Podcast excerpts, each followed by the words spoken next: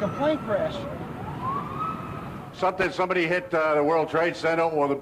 It's a trade center. World Trade Center. This just in, you Matt are looking at we have a breaking news very story to tell you disturbing I'm shot there. you That what is the World Trade Center, and We have unconfirmed reports this morning.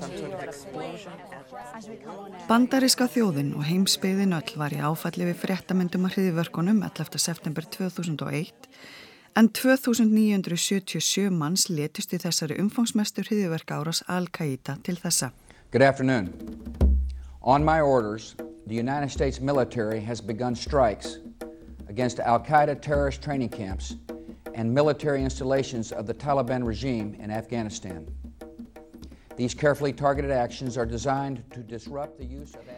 George Bush, bandaríkjaforseti, krafðist þess að Talibanastjórnin í Afganistan myndi framselja Bin Laden sem hún harðneitaði að gera. Þar með hófst stríð gegn hriðverkum og bandaríkin riðist inn í Afganistan 7. oktober 2001 með stuðningi breyta og fleiri þjóða.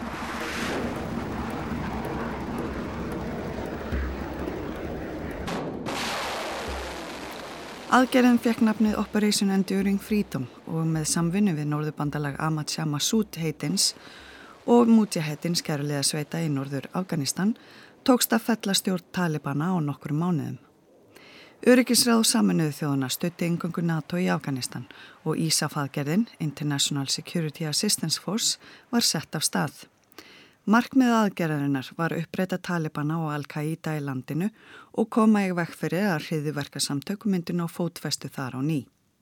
Saminuðu þjóðurnar voru með sér aðgerð UN Assistance Mission in Afghanistan, UNAMA, en markmið hennar var að steyðja við uppbyggingu og framþróun og skapa grundvöld fyrir þróun líðræðis og mannréttinda í landinu. Afganar tóku hermunum bandaríkin á NATO vel til að byrja með. Afganskir flóttamenn fóru að snúa tilbaka frá Pakistan og Íran. Það voru breyttir tímar og það var bjart framöndan í Afganistan í fyrsta sinn í ára tugi. Hamid Karzai fór fyrir bráðabyrðastjórn sem komin var á fót árið 2002 og margskonar uppbygging fór á stað með erlendu fjármagni. Karzai var réttum maður á réttum stað og á réttum tíma. Hann þótti hæfastur til að leiða stjórnina, koma á friði í landinu og ekki hvað síst eiga í góðum samskipt við Bandaríkin og NATO. Karzai, mentamæður sem talaði lítalösa ennsku eftir námsárin sín og búsetu Erlendis, þótti auk þessi rétt tengdur en hann hafði tekið við að föðu sínum sem leiðtói Poppalsæ ættflokksins í Kandahar sem er einna ættflokkum pastúna og mjög áhrifamikill í söður héru um Afganistan þar sem fylgi við Talibana var mikill. Karzai var svo formlega kjörinn fórseti landsins í fórsetakostningum árið 2004. Most Afghans by then were so fed up with the war. So 2001, they'd had war since 78, 79. Segir blaðamæðurinn og rítuhundurinn Kristína Lamp, yfirmæður erlendra frétta, hjá The Sunday Times og fréttarittar í Afganistan til fjölda ára. So they saw the foreign troops as people coming in sort of end that and it actually did feel around December 2001 after the Taliban had been toppled, and they were toppled very quickly by the um, US forces and working with local warlords. Um, it felt like a sort of happy ending because it felt like, you know, now people were free, people were shaving off their beards, women didn't have to wear burqas anymore, people were playing music which had been banned. Flestir afganir voru búin að fá nóga stríði árið 2001 sem þeir höfðu búið við frá 8. áratögnum svo þeir sáu fyrir sér að Erlendur her kemur til að enda það ástand. Og talibanar voru hraktir burt nokkuð fljótlega eða í desember 2001 og þetta var einhvers konar hamingjusamur endir vegna þess að fólk varð loksins frjálst. Menn rökuðu sig, konur hættu að klæðast búrkum og fólk að spila tónlist sem var bannað í tíð talibana. Það er ekki oft sem að þú fær tækifæri til að fjalla um eitthvað sem ásér hamingju saman endi. En þannig virtist þetta vera á þessum tíma. En að sjálfsögðu átti það eftir að breytast.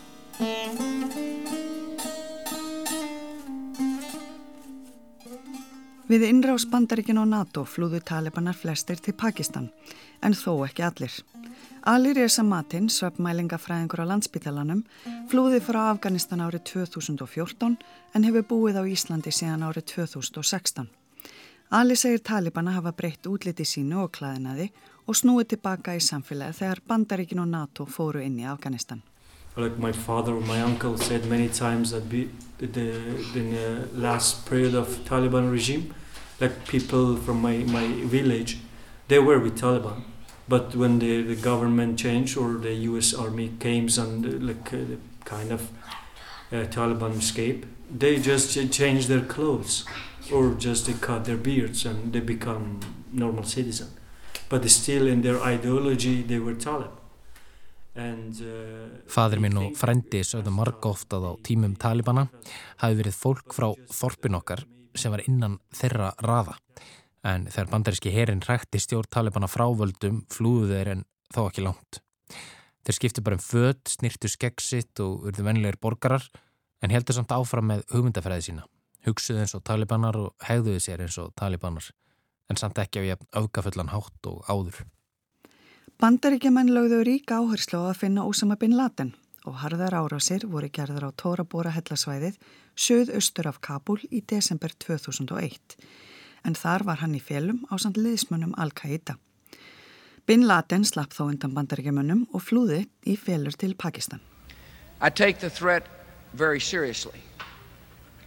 I take the fact that he develops weapons of mass destruction very seriously. I remember the fact that he has invaded two countries before. I know for a fact that he's poisoned his own people. He doesn't believe in the worth of each individual. He doesn't believe in public dissent. Bandaríkin riðist inn í Írak árið 2003 og við það færðust áherslur og aðtegli bandaríska hersins frá Afganistan að einhverju leiti en um 8.000 bandarískir herrmenn voru þó áfram í landinu. Donald Rumsfeld lísti yfir að helstu barda aðgerðum væri lokið í Afganistan og nú geti uppbygging hafist í landinu. We're at a point where we clearly have moved from major combat activity to a period of, of stability and stabilization and reconstruction and uh, activities. The bulk of this country today is permissive, it's secure. Það var von til þess að aukiði öryggi og stöðuleiki myndi gera mannúarsamtökum kleift að komað uppbyggingu í meira mæli en hafði verið fram til þessa. Talibanar blesu til sóknar og sóttu hart að hersvetum bandaríkin og NATO á þessum árum. Hörðustu átökinn voru í söður hér um Afganistan þar sem talibanar höfðu áallt haft stert fylgi. Karzai baðum aukin herstuðning bandaríkinu og NATO og upp frá árinu 2006 var hermunum fjölgað og fleiri herstuðum komið upp vítt og breytt um landið.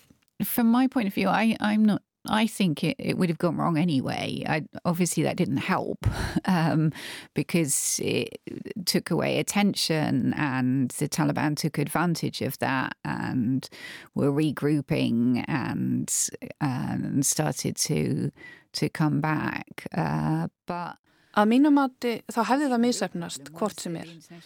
En augljóslega hjálpaði það ekki að aðtikli Vesturlanda beindist að Írakstriðinu og talibanar hópuðu sér saman á ný. Ég held að raunverulega vandamál hafi verið að alþjóðasamfélagið vissi ekki frá upphafi hvernig það átt að haga aðgerðum í Afganistan og það var raun ekki áhugi fyrir að byggja upp samfélagið.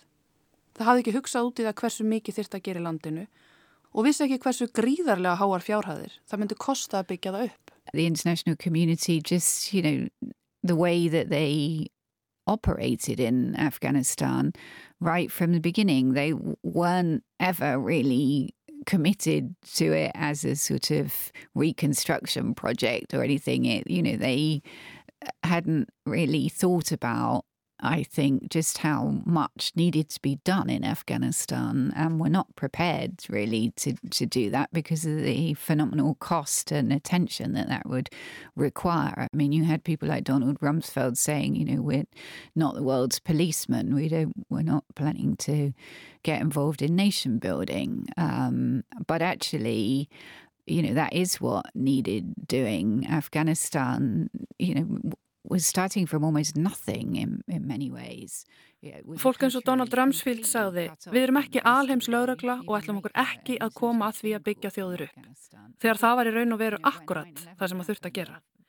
Afganistan varða að byggja upp frá nánast engu, landi var mjög einangrað og það var varðla hægt að ringja millilandasýmtöl. Fólk sem ég rætti við skildi til dæmis ekki að það geti verið svona margt fólk í einni byggingu eins og tvíburaturnunum. Hæsta byggingin í Kabul var kannski fjórar hæðir og fólk bara áttaði sig ekki á þessu. Það er erfitt að undistrykka hversu einangra landið var og hversu mikið þurft að gera. I don't think really talked to Afghans about what needed to be done. They had their own template of what to do, which largely seems to involve having elections. No Afghan I spoke to said what we really need is an election. They wanted security. They wanted, you know, to be able to feed their children um, and educate them. And Ég held að enginn hafi talað við Afgana um hvað þyrft að gera. Alþjóðarsamfélagið var með sína eigin aðgerðar áallin og kostningar voru partur af henni. Engin Afgani sem ég talaði við talaði um kostningar.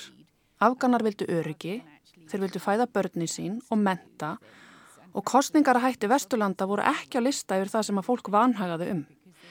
Þannig að það voru enga viðræður við fólki sjálft eða hvað það vildi. Við sendum inn erlendar ágjafa sem voru á háum launum í staðin fyrir að þjálfa Afgana til að gera hlutina. Og satt best að segja að þá stóðu sovjetmenn sig betur í þessu á þeim tíma sem þeir voru landinu, en fjöldi afgana fór þangað og fekk þjálfin í verkfræði eða skurlækningum eða öðrum störfum sem að gagni kæmu. Mér fannst það líka alltaf kaltænislegt síðar meira þeir sem að unnu hvað mest með NATO-herliðinu, hérastjórar eða fólk í stjórnsíslu, þá voru þeir sem að þau fengið þjálfin hjá rúsum. Kristína segir að Erlend herlið hafði einnig skort þekking á ættflokkakerfinu og hvernig það virkaði. Auk þess hefði mátt sína síðum og vennjum í landinu aukna virðingu. You had two things going on. You had the, the NATO forces sort of they didn't call it peacekeeping initially, but that is kind of what they were doing, but with very small numbers. Um, but you also had this American forces, mostly special forces, who were trying to find bin Laden and, and destroy Al Qaeda. And those people didn't. Það voru tvær aðgerðir í gangi. NATO aðgerðin, hún líktist um margt friðargerslu þó að aðgerði þeirra væri ekki kallar því nafni nema í litlu mæli. Einni voru banderískar hersveitir, aðalega sérsveitir sem að leituðu að Bin Laden og reynda að uppræta Al-Qaida og þeim var eiginlega alveg sama hvaða aðferðum var beitt.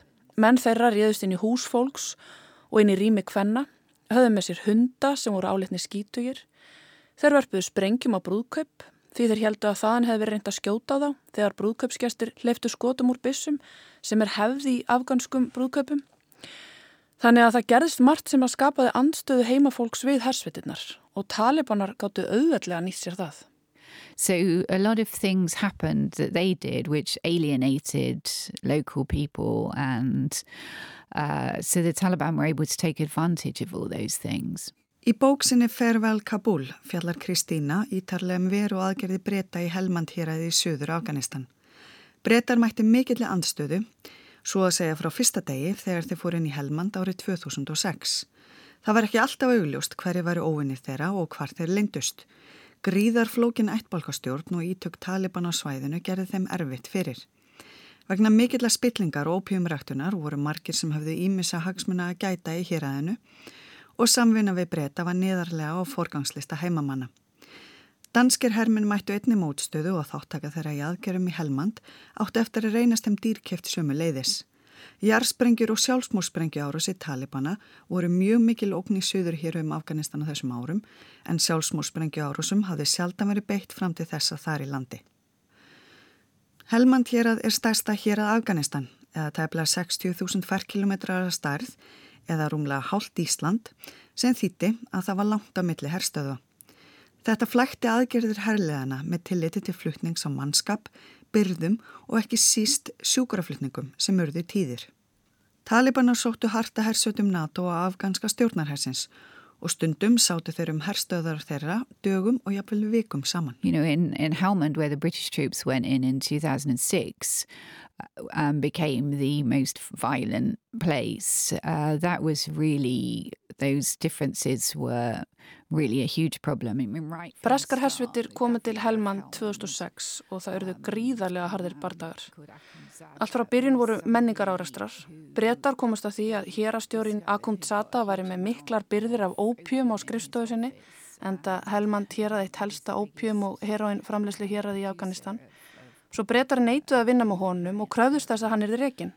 Kartsæ, sem þá var fórseti, harneitaði því hérastjórin væri svo mikilvægur í samfélaginu, þekkti alla og svo framvegis. En þegar hérastjórin var fjarlæður, þá þetta snerust hann og hans fólk gegn bretum og dönum. Ég geti ekki undistrykka nægilega hversu mikið tjón hlausta þessu mikla skilningsleysi á þessum tíma. Uh, I can't really emphasize enough how damaging that lack of understanding was in those days. Alls fórust 457 breskir hermenn og 44 danskir hermenn í átökum í Afganistan á þeim 20 árum sem þjóðurinnar tóku þátt í aðgerðum í landinu. Lang flestir þeirra föllnu fórust í Helmand. Ástandið í Afganistan hefur ekki verið alvarlegra síðan stjórn Talibana var hrakinn frá völdum í november 2001. Búsbandaríkjafórseti tilkynnti í gær að fjölgað verði um 4500 hermenn í Afganistan í februar. Barack Obama viðkendi í viðtali við New York Times sem byrtist um síðustu helgi að bandaríkjaman væru ekki á sigurbröði í Afganistan.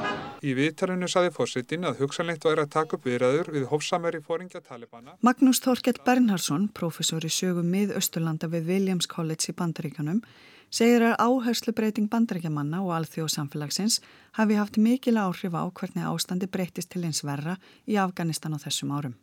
Um fyrsta lagi þá kannski breytist uh, tilgangurinn með, með innrásinni og, og hvað bandaríkjumenn og alþjóðsamfélag ætla sér fyrir í, í Afganistan. Ípalið ætlaði bara að steipa Taliban-stjórnun á stóli sem það, sem það gekk eftir til til að fljótt og, og uppræta Al-Qaida sem gekk til til að vel eftir og en síðan breyttist þetta úr því að, að, að ég laði raun að vera hefna sína á 11. september og að steipa þeim á stóli og uppræta Al-Qaida í eitthvað allt annað og við það þá var þetta þeiminn floknara og, og þá fór uh, svona, svona mótsagnunar að koma svolítið ljós uh, þá uh, þessi stór, stór, stóra herlið erlenda aðalega breyttu mjög landslæginu í Afganistan sem gerir það verkum að, að ofbeldi ógst og, og fjármagnir fóra streymin í landið og þetta hafi það verkum að fólk voru að berjast innbyrðis í, í, í, í þessu landi. Þetta mikla herlið og, og, og erlendastofnun í landinu hafi líka margvísla breytingar í landinu með því að prófa skólakerfið og alls konar uh, sjúkrastofnanir í, í landinu, bæta samgöngur í landinu, landbúnað og þess að þar. En á sama tíma þá, þá var líka mikil ólga í landinu og óanægja með þetta hernám og hvað þeir allir sér fyrir í, í, í Afganistan og ekki allir að, á sama mála þetta var endilega af, af, af, af finna góða. Fyrstu mánuðina þá var heilmikið svona guttvil í landinu og, og þakklætti fyrir að steipa af stóli þessa harstjórn eða afstjórn Afganistan, sérstaklega meðal millistjættarinnar í, í Kabul en síðan þegar þetta fór að breytast í hernám og þegar það fór að svona nýjar áherslu að byrtast þá sérstaklega í stórum hluta landsins sem er ekki Kabul sem í dreifbíli og í svona fáteklu hluta landsins þá var fólk ekki eins ánætt með, með, með þessa stöðu og þessi nýjar áherslu sem voru, voru byrtast í, í landinu. Vatnaskilurðu svo á vordu um 2011 og heimsbyðin stóð á öndinni við tíðindónum. Tonight I can report to the American people and to the world that the United States has conducted an operation that killed Osama bin Laden, the leader of Al-Qaeda, and a terrorist who's responsible for the murder of thousands of innocent men, women, and children.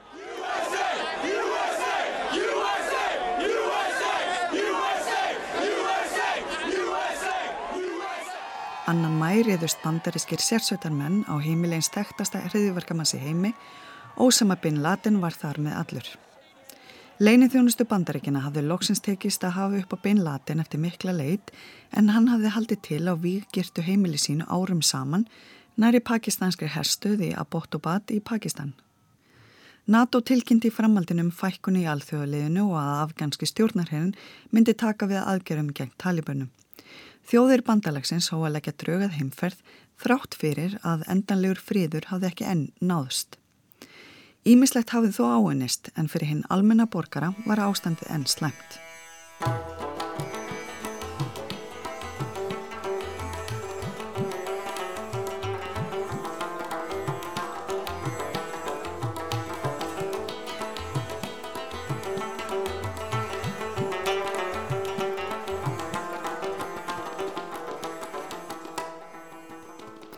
Ali bjó á þessum árum með fjölskyldunisni í Kabul, starfaði hjá Erlendu fyrirtæki og fór víða um landið vegna vinnu sínar.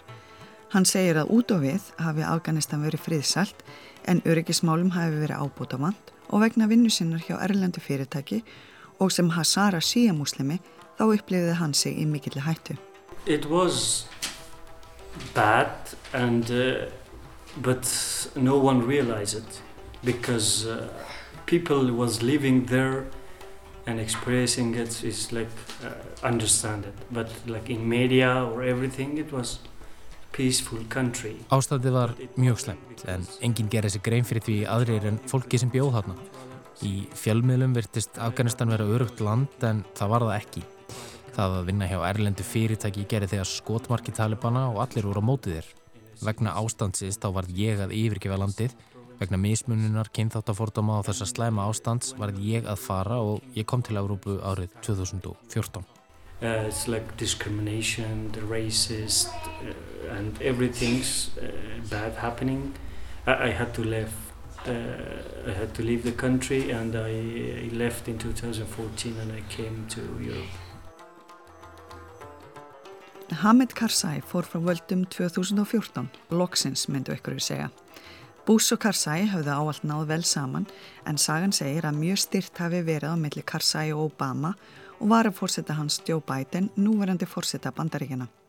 Ásakanir flugu fram og tilbaka um það hver bæri ábyrð á slæmi öryggisástandi í Afganistan. Karzai sæði að aðgerðir bandaríkina og NATO og afskipti Pakistan vera ástæðina fyrir slæmi öryggisástandi í Afganistan. Versturlönd sökuðu Karzai á móti fyrir að vera valdur á ástandinu. Ástandi sem hafði hluta til skapast vegna hans einn ákvarðana sem jöku óvinnsældir hans og ríkistjórnarinnar. Karzai var sakað um mikla spillingu og þær ásakanir voru ekki úr lausulofti greifnar. Hann hafði allt frá því að hann satt í bráðbyrðastjórn, skipa fyrir mútjahettin stríðsera, vini og ættinga í henni ímsu ennbætti og spillingin átti sér ímsar myndir.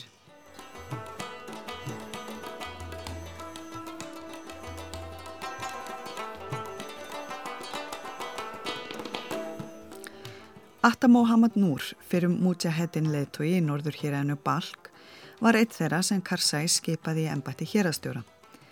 Hann skipti felulita galla sínum út fyrir jakkaföld og leti gríðarlega uppbyggingu í Masari Sharif sem hérastjóri, svo mikla að eftir henni var tekið enda var hann með ítök víða. Núr sá einni til þess að það fari vel um hann sjálfan. Vopnaður verðir klættir mismunandi felulita búningum vöktuði heimili hans allan sólurringin og höfðu auga með þeim gestum sem þangað komu.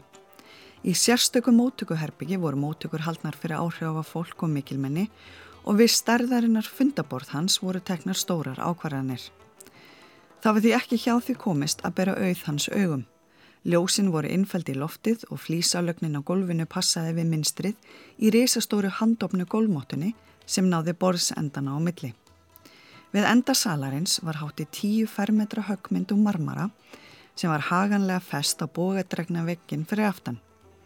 Borðið, stólanir og kristalsljósakrónunar, gafir frá mikilmennum og stríðsarum útjahettin, sverð, nývar og málverka hestum skreittu þetta stóra rými, gestum núr og honum sjálfum til ánægi og indisöka. Laun hér að stjóra í Afganistan voru kannilega ekkert slór.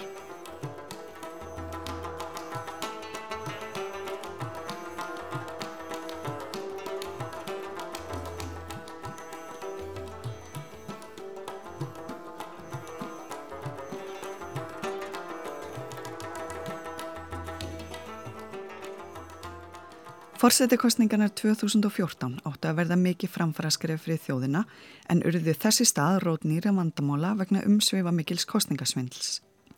Ashraf Ghani var á endanu skeipaður forseti Afganistan og til málamiðlunar fjálst mót frambjóðandi hans, Dr. Abdullah Abdullah, á að gegna ennbætti forsetisráþra við hlið Ghani. Það var hins vegar ætið mjög styrt á milli Ghani og Abdullah sem báður hafðu bóðið sér fram sem forsetar og vildu einir sitja í því ennbætti og án hins. Það var vissulega mikill fjöldi erlendra hermana í Afganistan á þessum árum sem flestir heldu til á herstöðum vítt og breyttum landið. En auk þeirra var einni fjöldi starfsmanna sendir það, alþjóðlegra stopnana og mannúðarsamtaka sem og erlendir viðskiptamókular og bladamenn og þessir hópar fólks setti svipsinn á lífið í Kabul. fólk hatt farið um án viða mikill að öryggisástafna og hitti skjarnan utan sína starfstöðuva eða gististaða. Líbanski veitingastæðurinn La Taverna du Liban var vinsæl veitingastæður í Kabul og hálfgerð félagsmiðstu vesturlandabúa sem störfuði í borginni. Það var yfirlega mesta fjörið á föstudagskvöldum en það var föstudagurinn frítagur hjá flestum. Og það vissu talibanar sem gerðu árás á staðin föstudagskvöld 1. janúar 2014 með þeim afleggingum að 21 let lífið. Nokkrar árásir fylgdu í kjölfarið sem var sérstaklega beint gegn vesturlandabúum og fjölmjöla fólki í Kabul á þessum tíma. UN civilian staff members who may have been present or in close proximity to the attack, uh, they remain unaccounted for at this stage. Svo kallega Green on Blue árásir færðist einni í aukana undir lók Ísaf aðgerðarinnar en Green on Blue eru innherja árásir þar sem afganskir hermenn eða lauruglumenn myrtu erlenda hermenn sem þeir átti í samskiptum við eða störfuðu með. Ástæður innherri árásuna voru oft óljósar.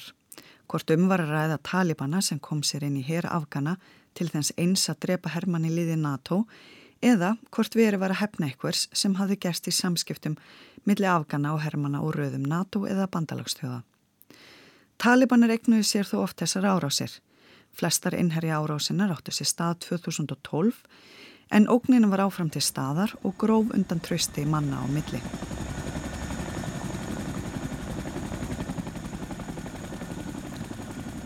Þegar Ísaf-aðgerðin stóð sem hæðist árið 2011 voru rúmlega 130.000 hermenn í Afganistan frá 51 aðeldaríki og bandalagstöðum NATO. Þaraf voru um 90.000 bandarískir hermenn. Þá var bandrækjaher einnig með sérsveitir í landinu um 20.000 manns. Ísafaðgerðinni lauk í lok ást 2014 og þar með lauk bardaðaðgerðum NATO í Afganistan og afganski stjórnarherrin tók við aðgerðum gegn talibunum. Í byrjun ást 2015 hóst önnur NATO aðgerð, Resolute Support aðgerðin, sem var mun umsveifa minni en svo fyrri og taldi um 13.000 manna herlið og borgaralega sérfrænga fyrsta árið. Markmið aðgerðarinnar var að þjálfa, veita ráðgjöf og aðstofi frekar uppbyggingu afganska stjórnarhessins og lauruglunar og við innaríkis og varnamál. Bandaríkinn tóku þáttir Resolute Support en voru einni með sérsautar aðgerð Operation Freedom Sentinel sem var beint gegn hriðiverkasamtökum.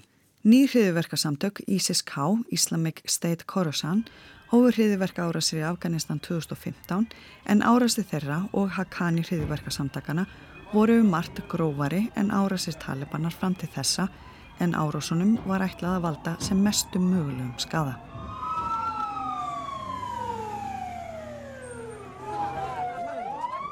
Að minnstakosti 90 látnir eftir að upplug sprengja sprakki morgun álað sendir á þum erlendra ríkja í Kabul, höfuborg Afganistan. 400 særðust gríðanett eignatjón varð af völdum sprengingarinnar. Af sendiráðunum verðist tíð Þíska hafa orðið verst úti. Nokkri starfsmenn þess særðust og afganskur öryggisförður lést af sárum sínum.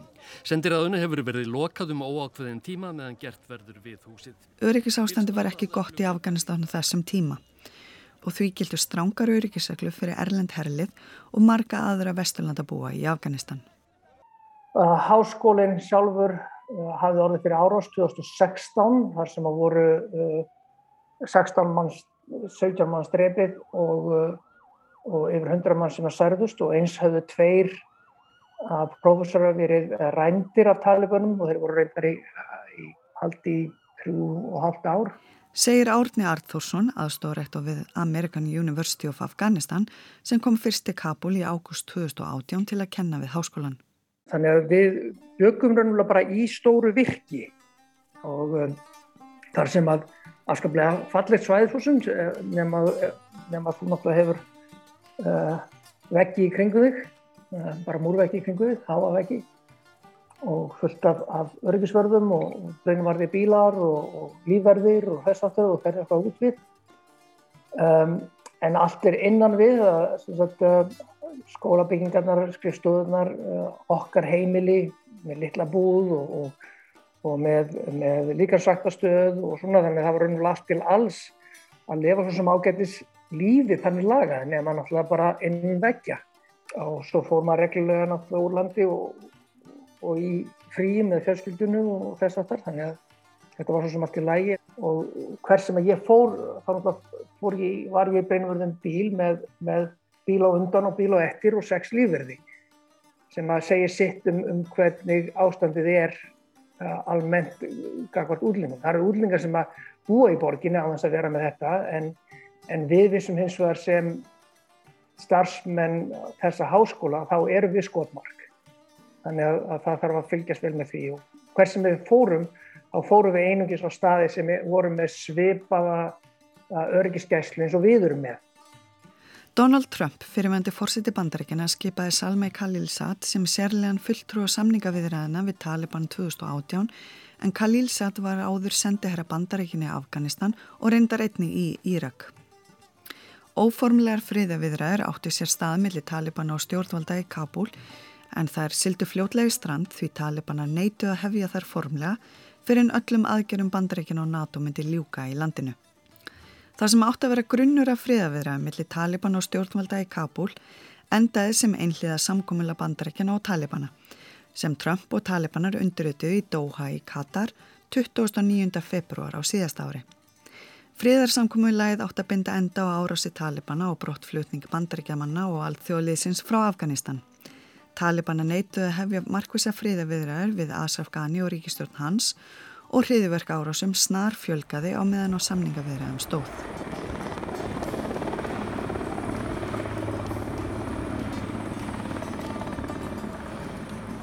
Að morgni 19. ágúst 2018 voru veginnir í Kabul skilgrendir svartir. En það þýtti að það var ekki tali örugt fyrir herlið og starfsfólk NATO að ferðast um hvorki fótgangandi eða undir vernd hermana nýja í breynvörðum bílum. Þetta ástand varði þó yfirlegt ekki lengi og nokkrum tímum síðar var lókunum aflétt og ég komst út af herstöðinu til að mynda hátíðarhöld 99 ára sjálfstæðis Amalis Afganistan sem voru haldinn skamt frá herstöðinu. Það var bjart og fallett veður. Afganskir hermenn stóðu heiðursvarð með fána í öllum litum undir sólinni og lúður að sveit leku undir. Ég stóði í litlum hópi fjölmeilamanna tilbúin að mynda hátíðarhöldin. Mér lærðist fljótt í Afganistan að plönu væri sífælt að breytast og því vissi ekki alveg á hverju væri von en það hafði ég enga dagskrá í höndunum. Allt í einu komu tveir hermenn í hátjörbúninga gangandi með blómakrans á milli sín og á bakvið hann gekk Asraf Ghani fórseti landsins. Í miðjunu á kransinum var mynda Amanullah Khan, emirnum sem gerðist kongur og samti við breyta um sjálfstæði Afganistan. Kransinum var lagður um minnisvarða. Ghani neyði sig, bakkaði frá minnisvarðanum og gekk svo burt í róliheitunum. Það voru engar ræður eða önnur formlegheit þennan dag vegna öryggisástandsins. Þremur árum síðar hafði mátt lítið líðræði og litadýrð vikið fyrir svart kvítri veröld talibana og Gani var á bak og burt. Thank you.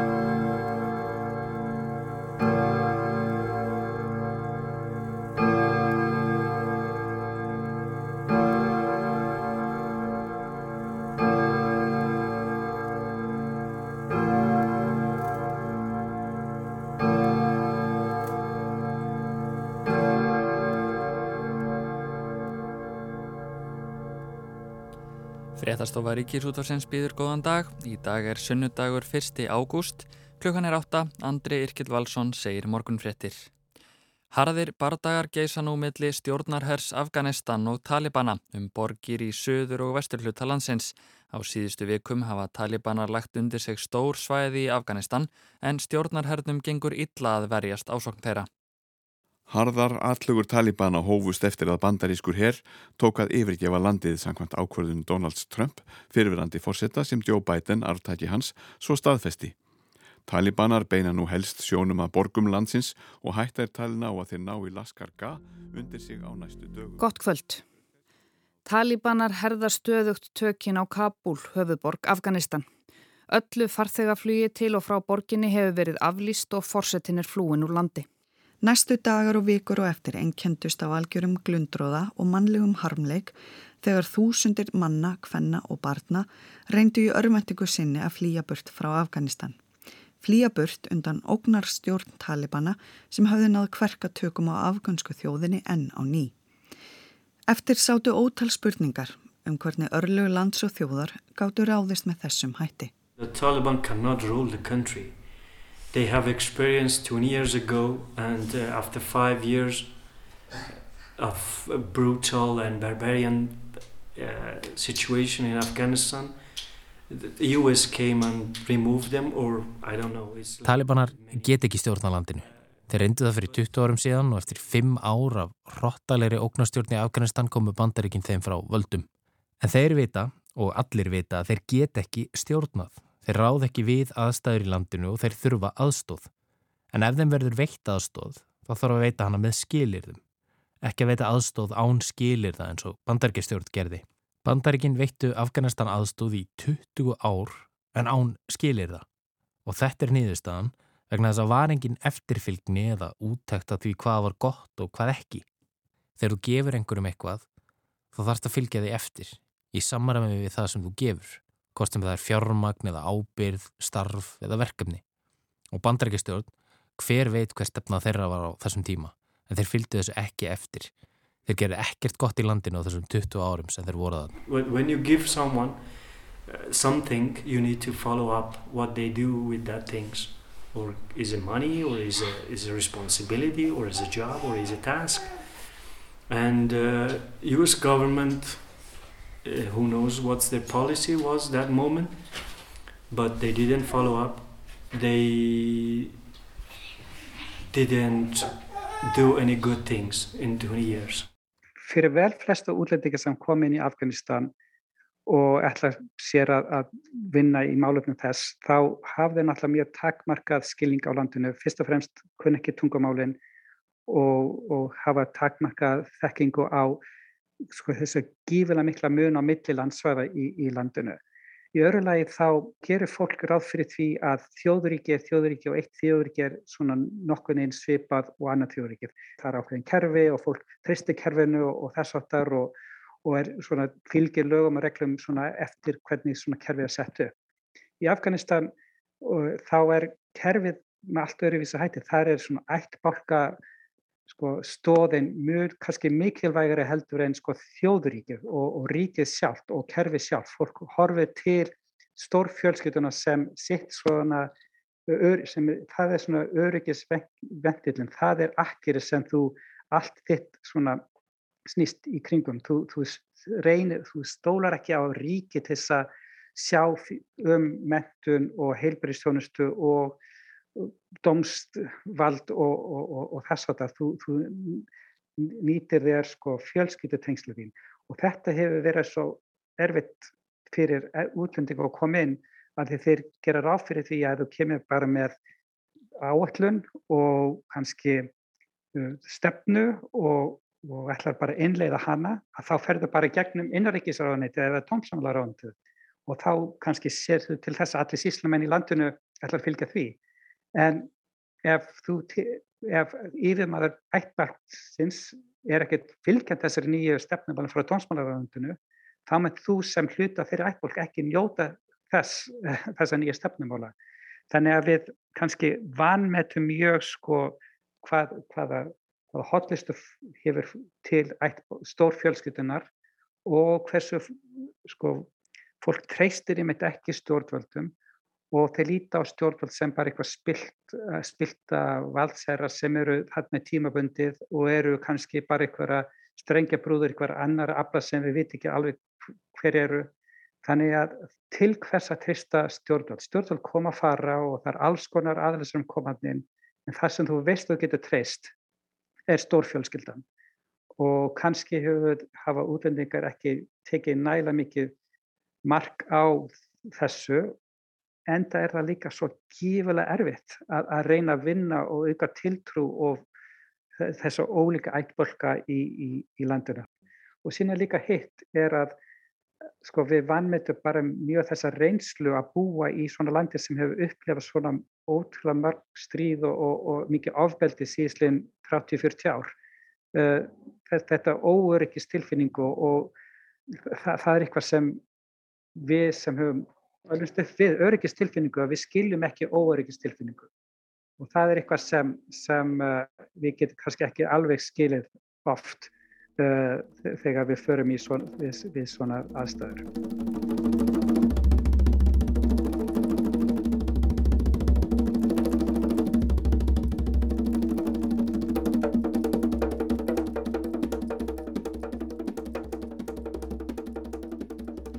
Á þeim 20 árum sem bandaríkin og NATO voru í Afganistan höfðu fjórir bandaríkjafósettar afskipti af aðgerðum í landinu.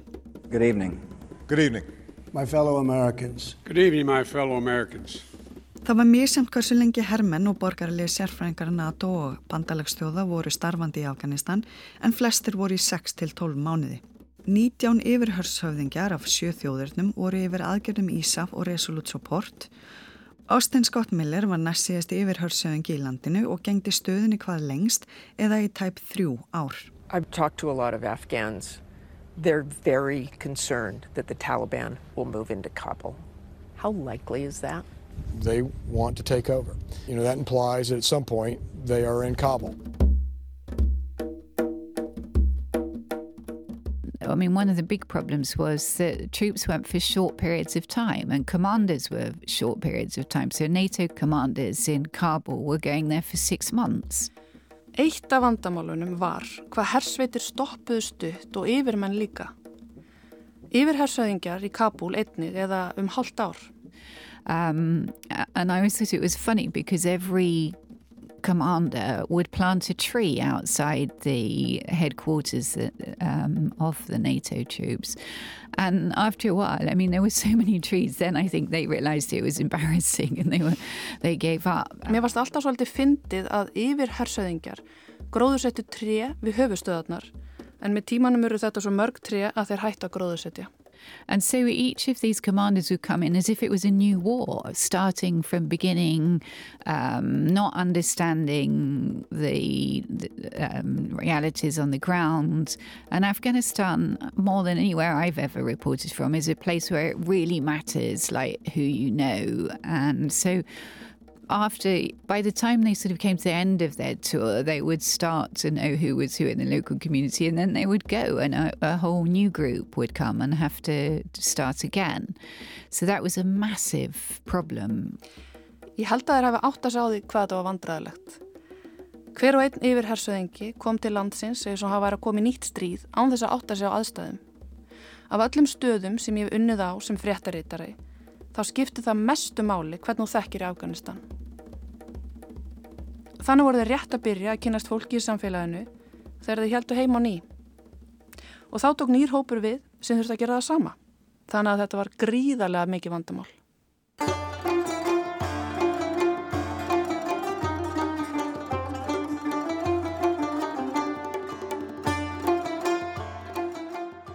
A lot of people in Afghanistan thought that the American NATO troops were never going to stay there for very long. I mean, you know, nobody, frankly, ever imagined they would be there 20 years. I certainly wouldn't have imagined that. Um, so what happened was they thought these people were going to go away, but the bad guys will still be here. So we don't want to really throw in our lot with the the foreigners when then they'll go and just leave us to the mercy of the bad guys. Það byggust fáir við því í Afganistan að hersveitir bandaríkjana og NATO eru lengi í landinu. Í sannleika sagt þá bjóst engin við því að þar eruðu þar í 20 ár. Ég hefði svo sannlega ekki getað ímynda með það. Fólk hugsaði með sér að hersetan myndi vera tímabundin en það myndi enn sitja uppi með óvinnin. Þannig að það vildi ekki koma sér ómikið í mjúkin hjá erlendaherliðinu því þegar það færi er því fólki skilið eftir upp á náð og miskun óvinnarins.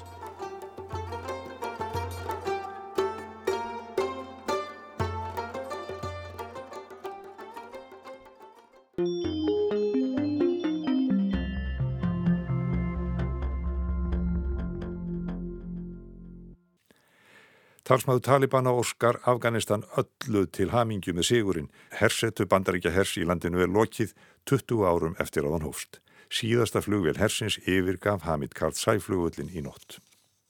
Talibanar rosa sigri í Kabul eftir atbyrði næturinnar. Fagna var ákaft og heyrði skotkvellir víða um stræti afgönsku höfuborgarinnar eftir að bandaríkja hér hafði yfirgifið landið. Hersöðingin Chris Donahue var síðasti bandaríski hermaðurinn á afganskri grundu og með honum lauk brottflutningi á vegum bandaríkjana. Talið er að bandaríkin og önnur ríki sem stóða á brottflutningi hafi náða að flytja um 123.000 manns frá Kabul á undanförnum veikum.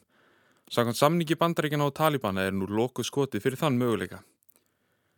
Talsmaður Talibana, Zabihullah Mujahid, óskar gerfullu Afganistan til hamingi með sigurinn. Hann segir að Talibanar vilja halda góðum tengslum og ríkja samskiptum við umheiminn.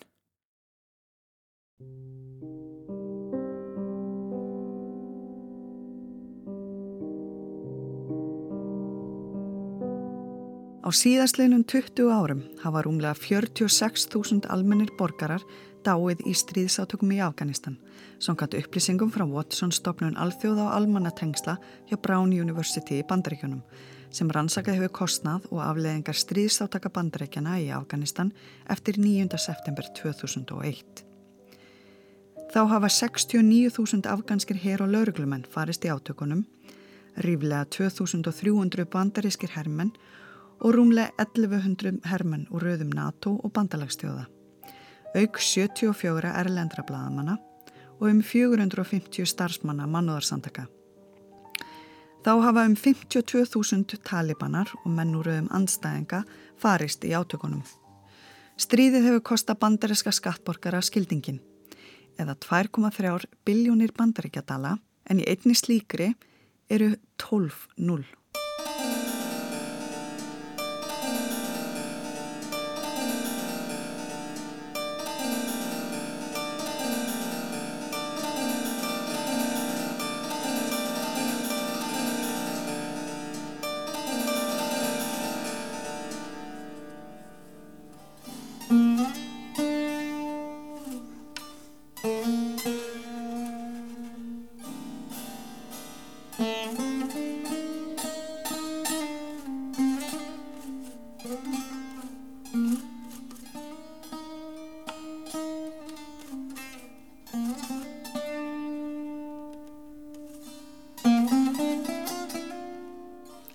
2,6 miljónir afgana er á flótta utan Afganistan og um 3,5 miljón innan heimalandsins samkvæmt tölum frá flóttamanna hjálp saminuðu þjóðana. Þau eru á ærin verkefnin sem býða nýrar stjórnar talibana í Kabul og það má tellja nokkuð víst að afganar hvíði vetrinum og komandi tíð.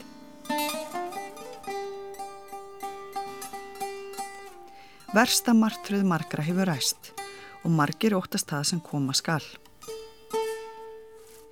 Í næsta þætti skoðum við árangur uppbyggingar í Afganistan á síðustu árum og beinum sjónum sérstaklega að mannréttundum og stöðu kvenna í landinu.